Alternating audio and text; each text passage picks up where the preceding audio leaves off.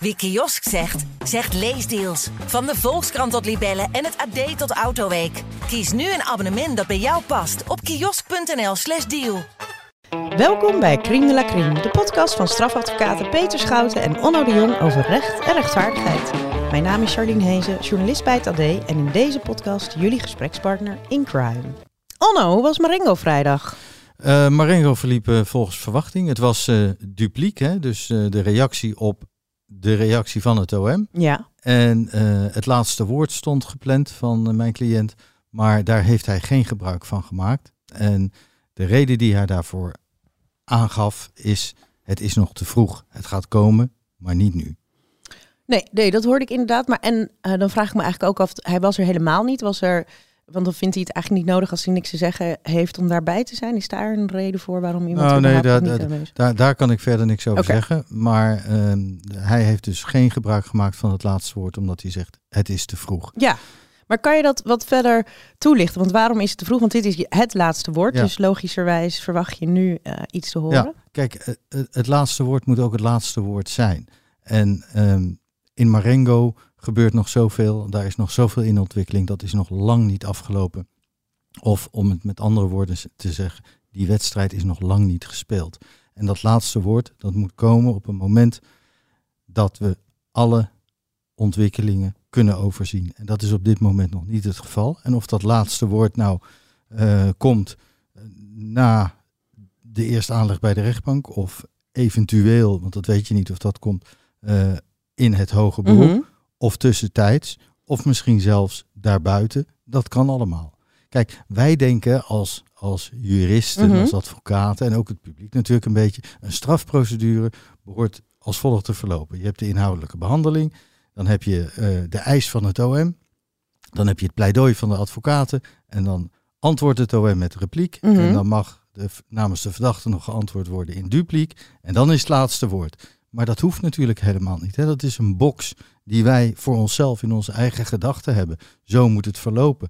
Maar de ontwikkelingen heb je niet in de hand. Er kan van alles gebeuren en het is nog lang niet afgelopen. Vandaar dat hij zegt, het is nog te vroeg. Ja, je, ik hoorde je bij uh, Galita Sofie uh, vrijdag zeggen dat dat laatste woord ook eventueel um, niet per se in de rechtszaal zou worden, maar ook misschien in de pers zou kunnen. Wat, wat, wat moeten we ons hierbij voorstellen? Nou, zo, zo heb ik het niet gezegd. Ik heb gezegd dat, het, uh, dat wij in de box van het strafproces denken en dat het laatste woord daar thuis hoort. Mm -hmm. En dat komt natuurlijk omdat het in de wet staat. De verdachte hoort als laatste te spreken. Maar op welk moment dat is, dat is natuurlijk helemaal niet gezegd. Alleen in onze gedachten, in het strafproces, is dat op dat moment. Hè, voordat de rechter het onderzoek gaat sluiten en uitspraak ja. gaat doen.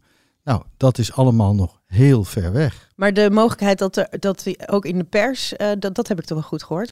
Nee, ik heb gezegd dat het niet uitsluitend in de box ja, okay. van dat ja. strafproces Dus dat hoeft. wilde ik dan een beetje zo ja. vinden. Nou, ja, ja, ja, goed. Maar dat zou zo kunnen zijn, maar dat is nog, daar is nog niet, dat, dat is nog geen plan voor dan. Nee, daar is Nee. nog geen plan voor. Nee. Nee. Ehm 6 oktober is er weer een formele zitting. Ehm, wat kunnen we van die dag verwachten? Ja, dat is een beetje. ehm, dat weet ik eigenlijk niet precies, eh Charlene. Kijk, ehm, er is een regiezitting. De rechtbank noemde het nu weer een proforma zitting. Nou ja, dat wil zeggen dat eh, de verdediging van de verdachte de gelegenheid krijgt om onderzoekswensen in te Mhm. dienen. Eh, ik heb er geen zicht op of die onderzoekswensen al zijn ingediend. Maar ik verwacht wel dat dat, als het nog niet is gebeurd, dat dat gaat gebeuren. En dan zal de rechtbank daar dan eh, zich moet, over moeten buigen en een beslissing over moeten nemen. En hoe het dan verder gaat, ja, dat is even afhankelijk van wat voor onderzoekswensen eh, de verdediging van de medeverdachte gaat indienen. Ja, duidelijk. Althans, en zou, dat zou dus dan ook eventueel nog invloed kunnen hebben op de uitspraak, als dat eh, langer tijd in beslag gaat Ja. nemen, die onderzoekswensen? Ja, dat vind ik lastig om te zeggen. Kijk, de rechtbank heeft nu de uitspraakdatum bepaald op 27 februari. En dat is nu natuurlijk nog een, november, december, januari, februari, is vier maanden weg. Ehm, dat zou je zeggen, dat is voldoende.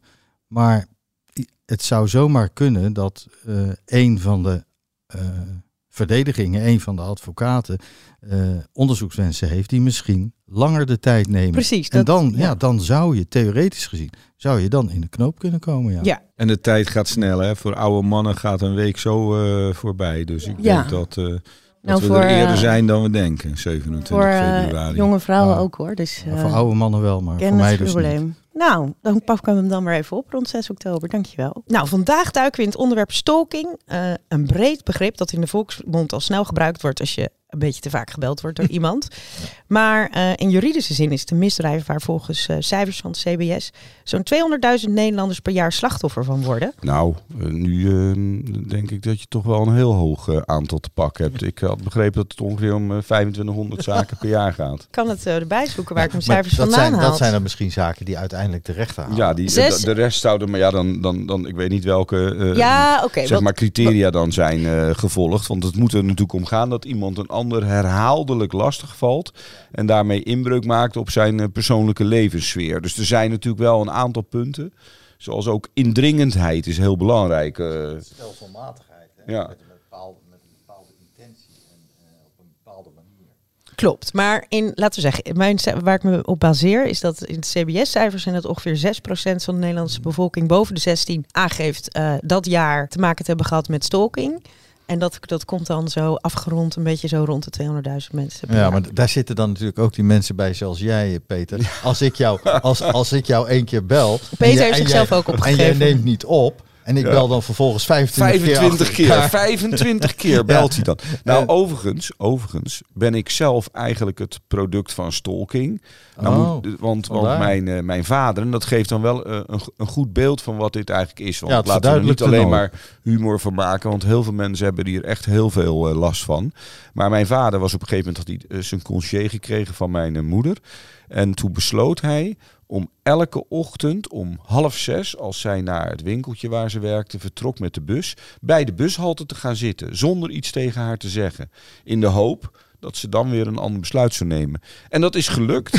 en, en dat is wel echt stalking, als je dat zou eh, in de tijd doen. van nu, want welke, Ja. mogen we weten welk jaar dit plaatsvond? Dit vond plaats in 1956. ja, dus toen keken we nog heel anders naar dat Oh nee, sorry. de- Ik werd natuurlijk in 57 geboren. Het vond eh, eh, 13 jaar daarvoor eh, plaats. Ja. Oké. Reken verkeerd. Ja, want dat is eigenlijk als je aan stalking denkt. Er zijn heel veel verschillende manieren en het is best wel een grijs gebied. Dus laten we eens beginnen met wat is eigenlijk de juridische definitie. Het is een eh, relatief nieuwe binnen de- het strafrecht volgens Ja, mij. Of laten we Ongeveer zeggen, 25 jaar. Ja. ja, dat, dat het überhaupt bestaat. Want inderdaad, in de tijd van jouw ouders was stalking nog niet eh, ge- geen algemeen begrip. Deden mensen dus blijkbaar wel, maar. Nou, het eh, bestond wel, maar er was dan eigenlijk werden dan de strafbare feiten op zich, als die er waren. Dus Mhm. bijvoorbeeld als je eh, iemand bedreigde, want dat kan ook een onderdeel zijn van stalking, dan was dat natuurlijk al strafbaar. Het is meest bekend geworden omdat een eh, Amerikaanse baseballspeler, een meneer Whitecoos, die werd eh, door eh, Ruth Ann eh, enorm gestalkt en die heeft bijna het leven verloren toen eh, door die actie. Dus we waren net wel Oh, dat was erg- door een fan. Dat is natuurlijk ook een bekende ja, dat is vorm een bekende van vorm van stalking. Je hebt de, date stalking. Mhm. Ehm, ik heb een keer een zaak gehad waar ehm, eh, iemand eh, heel erg geobsedeerd raakte door de hals van de vrouw. Ja, het is natuurlijk heel erg lastig om die af te scheiden van de rest van eh, het eh, lichaam. Maar eh, die was Hmm. daar super door geobsedeerd. Maar misschien, misschien is het goed om even, even die, die wetstekst even voor te lezen. Want dan weten mensen Ja? precies wat het is. Want het is natuurlijk wel, het bestaat uit een aantal onderdelen. Hè. Het gaat om het wederrechtelijk, dus tegen het recht in, eh, stelselmatig, systematisch, opzettelijk inbreuk maken op een anders persoonlijke levenssfeer. Maar met het doel om die ander iets te laten doen. Of te eh, dulden. Te, dwingen of te Ja. dulden of bang te maken. Eh, dat is stalking. Dus, dus het, het zijn wel een aantal componenten. En eh, het is alleen strafbaar, of laat ik het zo zeggen, vervolgbaar, als je eh, daarover een klacht indient. Dus als ik eh, elke dag bij jou voor de deur sta, Charlene, en ik eh, eh, kom jou elke dag een bloemetje brengen en Mhm. allerlei andere dingen, en jij gaat daar geen aangifte van doen, dan is het niet strafbaar. Nou ja, ik bedoel, naast de aangifte moet je dan ook nog een klacht indienen. Klacht indienen. Bij Ja. de hulpofficier, hè, dat is nog steeds wel een politieman, maar een wat hogere politieman. En, en dat moet in ieder geval binnen drie maanden na de aangifte eh, of het eh, stalkingsfeit, eh, eerste stalkingsfeit zijn gebeurd. Ja, precies. Je moet eigenlijk dus adequaat ingrijpen als. eh, maar ik vind wat jij zei wel interessant dat elke dag dat bloemetje. Want je, met die definitie had je het net over met als doel iemand ehm, eh, geweld aan te doen of wat, wat noemde je? Sorry. Ja, ja, met als doel om iemand eh, iets te laten doen, te dwingen iets te doen of niet te doen of te dulden of bang te maken. Hè? Ja, dat, precies. dat ook. Hè. Dus eh, mensen kunnen natuurlijk van een heleboel verschillende dingen bang worden. Ik, ik, ik ken een zaak en dat was uit de tijd dat ik zelf eh rechter plaatsvervanger was. Eh, er stond iemand terecht wegens eh, op verdenking van stalking. En dat ging om een verbroken relatie. En eh, die vrouw die dus aangifte had gedaan, een klacht had ingediend, die kwam dan, ging dan s'morgens naar de werk en dan kwam ze s'avonds thuis en dan was de tafel gedekt. ja, dat is echt. Nee, nee, maar weet je, dan. Maar die man had nog de- sleutel van het huis, dan ja, denk ik. Ja. maar het, het, het, het enge was dus, er was verder niets aan de hand. Hè. Hij, hij bedreigde haar verder niet. Niks hij, kapot hij- gemaakt. Er was niks kapot gemaakt, geen ruitjes vernield om binnen te komen. Maar iedere keer was die tafel gedekt.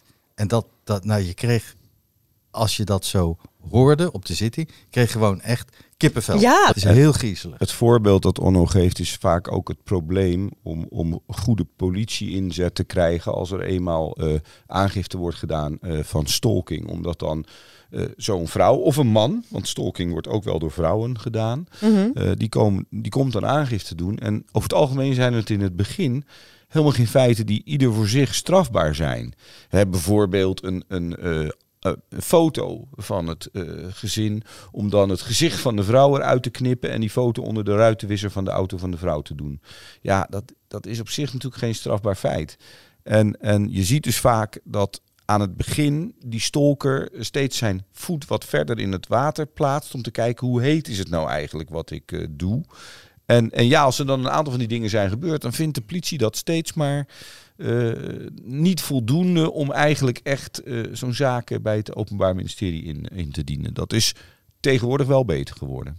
Ja, dus er moet best wel, eh, het moet best wel ver gaan voordat de politie eh, in actie kan komen in de praktijk eh, vaak. Zeker als het dus om van die ogenschijnlijk ehm, eh, eh, onschuldige eh, dingen gaat. Zoals Ja. een, een foto eh, achter een wis- ruitenwisselplaten Ja. of, of die tafel dekken. Tenminste, ik denk, is dat, zou dat, is dat niet huisvredebreuk? Ja, dat, dat zou het Als kunnen je- zijn, maar hij komt wel met een sleutel binnen natuurlijk. Ja. Eh, er was niks verbroken, dus ehm, hij hoorde daar niet meer te zijn. Weet Dan is je? het Dus- een valse sleutel. Het is een valse sleutel, ja. Maar kijk, eh, de politie zegt dan heel gauw tegen zo iemand, ah, maar wat is er nou aan de hand? En, en het moet echt wel gaan om ernstiger strafbare feiten die gepaard gaan met die stalking of die die stalking vormen.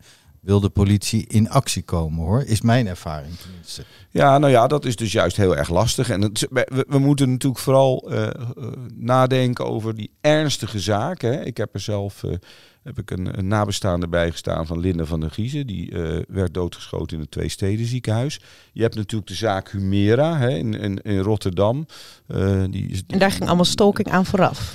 Ja, daar ging allemaal stalking aan vooraf. Hè, dat een meisje is doodgeschoten. Mhm. Dus dat zijn twee doden. Er vallen veel meer doden, ongeveer eh, tien per eh, jaar. Ehm, maar dit soort zaken, daar zie je aan het begin een heel patroon... waar dan niet voldoende snel op wordt eh, gereageerd. En ook zie je dat vaak bij, bij de rechtbank. Dat in het begin de rechtercommissaris, als dan zo'n stalker wordt voorgeleid... omdat hij al dan niet in bewaring moet worden gesteld voor eh, 14 dagen in totaal dat dan eh, ja, toch te licht wordt gedacht over die, die ehm, feiten die er op dat moment eh, liggen, Onno. En dat eh, is best riskant. En je ziet ook dat als eenmaal een stalker is veroordeeld, eh, dat hij dan toch na een tijdje weer opnieuw begint. En dat dan ook aan het begin de feiten weer niet zwaar genoeg zijn. En dat dan niet voldoende werd nagedacht over de voortduring van het feit stalking. Ja, maar dat heb- is allemaal beter geworden. Heb jij nou, heb jij nou de indruk, hè? want dat, dat vraag je je dan af, hoe ernstig is dat probleem nou feitelijk? Als iemand iemand stalkt ehm, en, en hij wordt, eh, het wordt gestopt, en hoe vaak heb je nou dat het echt de hand. escaleert? Dat, dat het dus eh, doorgaat en dat er hele ernstige strafbare feiten uit voortkomen. Gaat zo'n stalker nou altijd verder? Ja, het is toch wel 2500 zaken per jaar waarbij het behoorlijk ver gaat. Ja. En in, in mijn praktijk heb ik een tijd gehad, is nu wat minder, dat er eh, vier vrouwen cliënt waren die alle vier eh, elke dag eh, vermoord zouden kunnen eh, worden. En dat deed wel eh, een, een aanslag op ook mijn alertheid in dat soort zaken. Dus je, je ziet wel ernstige zaken en, en die komen toch veel voor. Het is een, het is een heel naar misdrijf in Nederland. Hmm. En 8% van de stalkers, dat zijn vrouwen. En wat je ziet is, mannen zijn gevaarlijker. Maar vrouwen hebben veel meer doorzettingsvermogen met stalking. Ik heb eens een keer een, een, een vrouw bijgestaan, een piket, kan ik niet te veel over vertellen. Maar eh, toen heb ik ges- gesmeekt en, en gebeden om haar vrij te laten. Om, omdat ze ook weer allerlei andere dingen moest gaan doen. En toen heeft uiteindelijk de officier gezegd, nou oké, ik ga haar heen zenden. En, en ik was nog niet weggereden van het politiebureau. Of ik kreeg een belletje dat ze inderdaad buiten stond. En was ze die man alweer aan het bellen. En was het. Ja. Wat maakt het nou zo moeilijk eh, vaak om het eh, te vervolgen en aan te pakken? Ehm, omdat het vaak gepaard gaat met. eh, eh, het hoeven niet altijd strafbare feiten te zijn. Hè, zoals dat voorbeeld wat ik net gaf van de tafeldekken. of een bloemetje elke dag eh, met, Ja. voor de deur staan. Dat zijn natuurlijk geen strafbare feiten. Maar het, gaat, het moet gaan om het bedreigende karakter. En eh, als mensen zich daardoor bedreigd voelen. dan kom je in de strafbare sfeer. Maar het is een vrij complex delict. Ja, ik las ook over nieuwe, vrij nieuwe vorm van stalking, smart stalking. En dat is dan dat mensen inbreken op eh, nou, de, de smart omgeving van een huis. Dus de smart speakers, de, de ring, doorbel of, eh, of het geluid, weet je. Of, of lampen hebben mensen. Dus dat mensen dan van buiten eh, dat gaan regelen. Eh, ja, wat, wat, wat, dat is nog helemaal niet vastgelegd, dat soort dingen, kan ik me voorstellen. Ja, wat Onno net zei klopt natuurlijk, maar je hebt ook bewijsproblematiek. Het is Mhm. eh, enorm Oh ja, ja. lastig om bepaalde stalkingsfeiten bewezen te krijgen. Bijvoorbeeld neem identiteitsfraude. Mhm. Hè, dat er dan, nou ja, de bekendste is natuurlijk de pizza die dan steeds bezorgd wordt. Maar ook wel simkaartjes die alsmaar bezorgd worden of andere producten die worden langsgebracht. Eh, ook dit soort dingen, zo smart stalking, kan heel erg lastig zijn om dat eh, te bewijzen. En wat je ook wel ziet is dat de stalkers, en dat hebben ze een beetje geleerd van, het, eh, van de televisieprogramma's die er waren. Stalkers die gaan vaak aangifte doen dat zij eh, tegen eh, gestolkt worden. Dus die gaan het omdraaien. Die zeggen ja, ik word gestolkt. En die komen met allerlei feiten aanzetten. Waardoor ook vaak lijkt of er sprake is van een zogenaamde knipperlicht Ja. eh. Dus dan wordt het heel erg ingewikkeld voor de politie om, om eh, ja, in dat Kijk waar de onderzoek ja, nou, maar ook in het onderzoek voldoende focus te houden. En dan zijn ze heel veel tijd kwijt door dat gedrag van die stalker om dat handig te spelen. Want die is daar helemaal mee bezig hè, de hele dag. Ja, het is vaak het alles verzinnen. Ja, maar zij zoekt de hele tijd contact met Ja. mij. Ja, die draait het om. Zogenaamde gaslighting Ja, is dat dan. zeker. Ja. Maar je ziet dan toch ook wel vaak eh, in dat soort zaken dat bijvoorbeeld als men dan die politie of als de politie dan die contacten gaat bekijken, dat er dat die contacten over en weer zijn.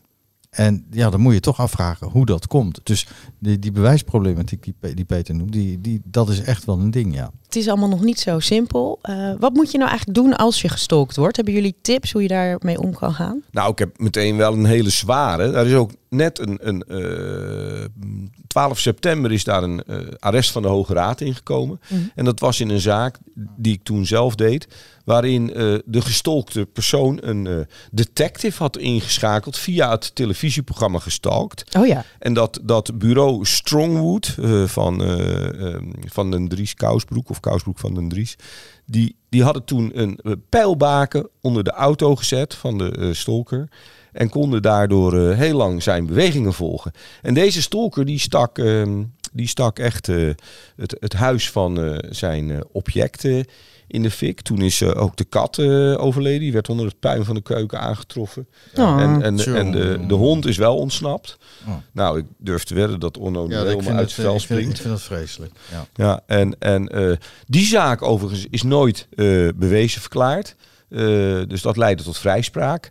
Eh, maar vervolgens eh, ging die, die, die belager, want het is natuurlijk ook belaging, hè, stalking, ging die belager verder. Dan heeft hij ook het, eh, eh, allerlei goederen van en, en een huis van de nieuwe vriend van dit slachtoffer in brand gestoken. Dus brandstichting.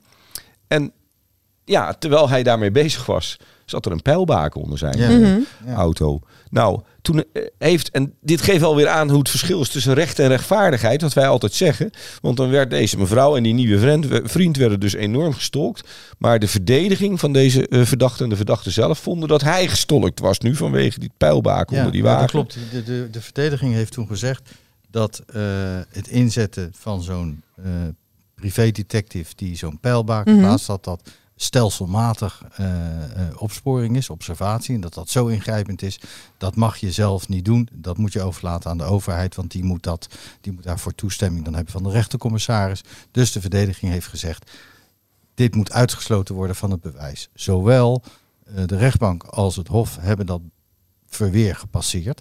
En ook de Hoge Raad heeft gezegd dat onder omstandigheden het zo kan zijn dat je in zo'n situatie moet zeggen, nou dit, dit is zo onrechtmatig, dit sluiten we uit van het bewijs. Maar in dit geval eh, was dat niet zo, want de Hoge Raad zegt dan moet je aan twee criteria moet je voldoen. Het, eh, het kan zo zijn dat je het moet uitsluiten van het bewijs als er sprake is van handelingen die eh, het recht op een eerlijk proces van een verdachte in gevaar brengen. Of als die privépersoon, hè, dus niet de opsporingsambtenaar, maar die privépersoon, zodanig betrokken is geweest bij onrechtmatige handelingen, dat daardoor het bewijs wordt beïnvloed. En dan eh, moet je dat ook uitsluiten. Mhm. Maar in dit geval was dat allemaal niet het geval. Nee, en het is natuurlijk heel ironisch dat het, iemand grijpt natuurlijk alleen maar naar een privédetective uit, uit pure wanhoop, denk ik, omdat de politie niks, eh, nog Ja. niks voor ze kan doen. En zijn er nog andere dingen die eh, jullie als cliënt, als, als jullie cliënten slachtoffer zou zijn in dit geval, want we gaan geen eh, tips uitdelen voor eh, daders, denk ik. Ehm, ja, dat je ze meegeeft om te doen. voor, voor zo'n slachtoffer, eh, het is natuurlijk heel belangrijk dat je het kunt bewijzen. Hè? Dus als het via de app gaat, bewaar je appjes, sla ze op, print het uit. Dat zijn natuurlijk hele belangrijke dingen. Als het via de mail gaat, zorg dat je het op een rijtje hebt, op, op een datum. Dus een soort logboek maken, maar dan van appjes en mails. En als het op een andere manier gaat, fysieke stalking, ja, probeer foto's te maken en noteer de tijdstippen. Ja, Dat en- is en- heel erg belangrijk. En Ono, wat eh, echt wel eh, goed werkt, zijn eigenlijk twee dingen. Dat is bij Alibaba kun je een broche kopen, daar zit een cameraatje in, die hang je dan gewoon op je nek. Dat is beter dan een stalker met een telefoon filmen, want dat ziet hij. En dan, dan gaat hij dat uit je handen slaan of zegt hij dat hij gestolkt wordt, omdat jij hem eh, filmt. Ehm, en daarnaast, waar heel veel stalkingzaken nu eh, in het dossier wat daar opduikt, dat zijn beelden die door de eh, ringbeltelefoon, Oh ja. eh, de Ah. deurbeltelefoon, worden gemaakt. Oh ja.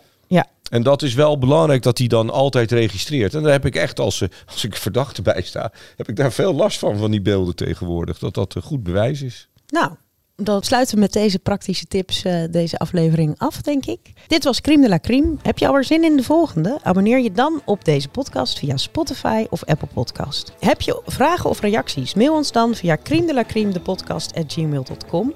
Dat hebben jullie gelukkig ook al eh, gedaan. En wij zullen alle, of wij, en specifiek de heren, zullen alle vragen en opmerkingen eh, persoonlijk beantwoorden. We horen graag weer van jullie. Tot de volgende keer. Wie kiosk zegt, zegt leesdeals. Van de Volkskrant tot Libellen en het AD tot Autoweek. Kies nu een abonnement dat bij jou past op kiosk.nl/slash deal.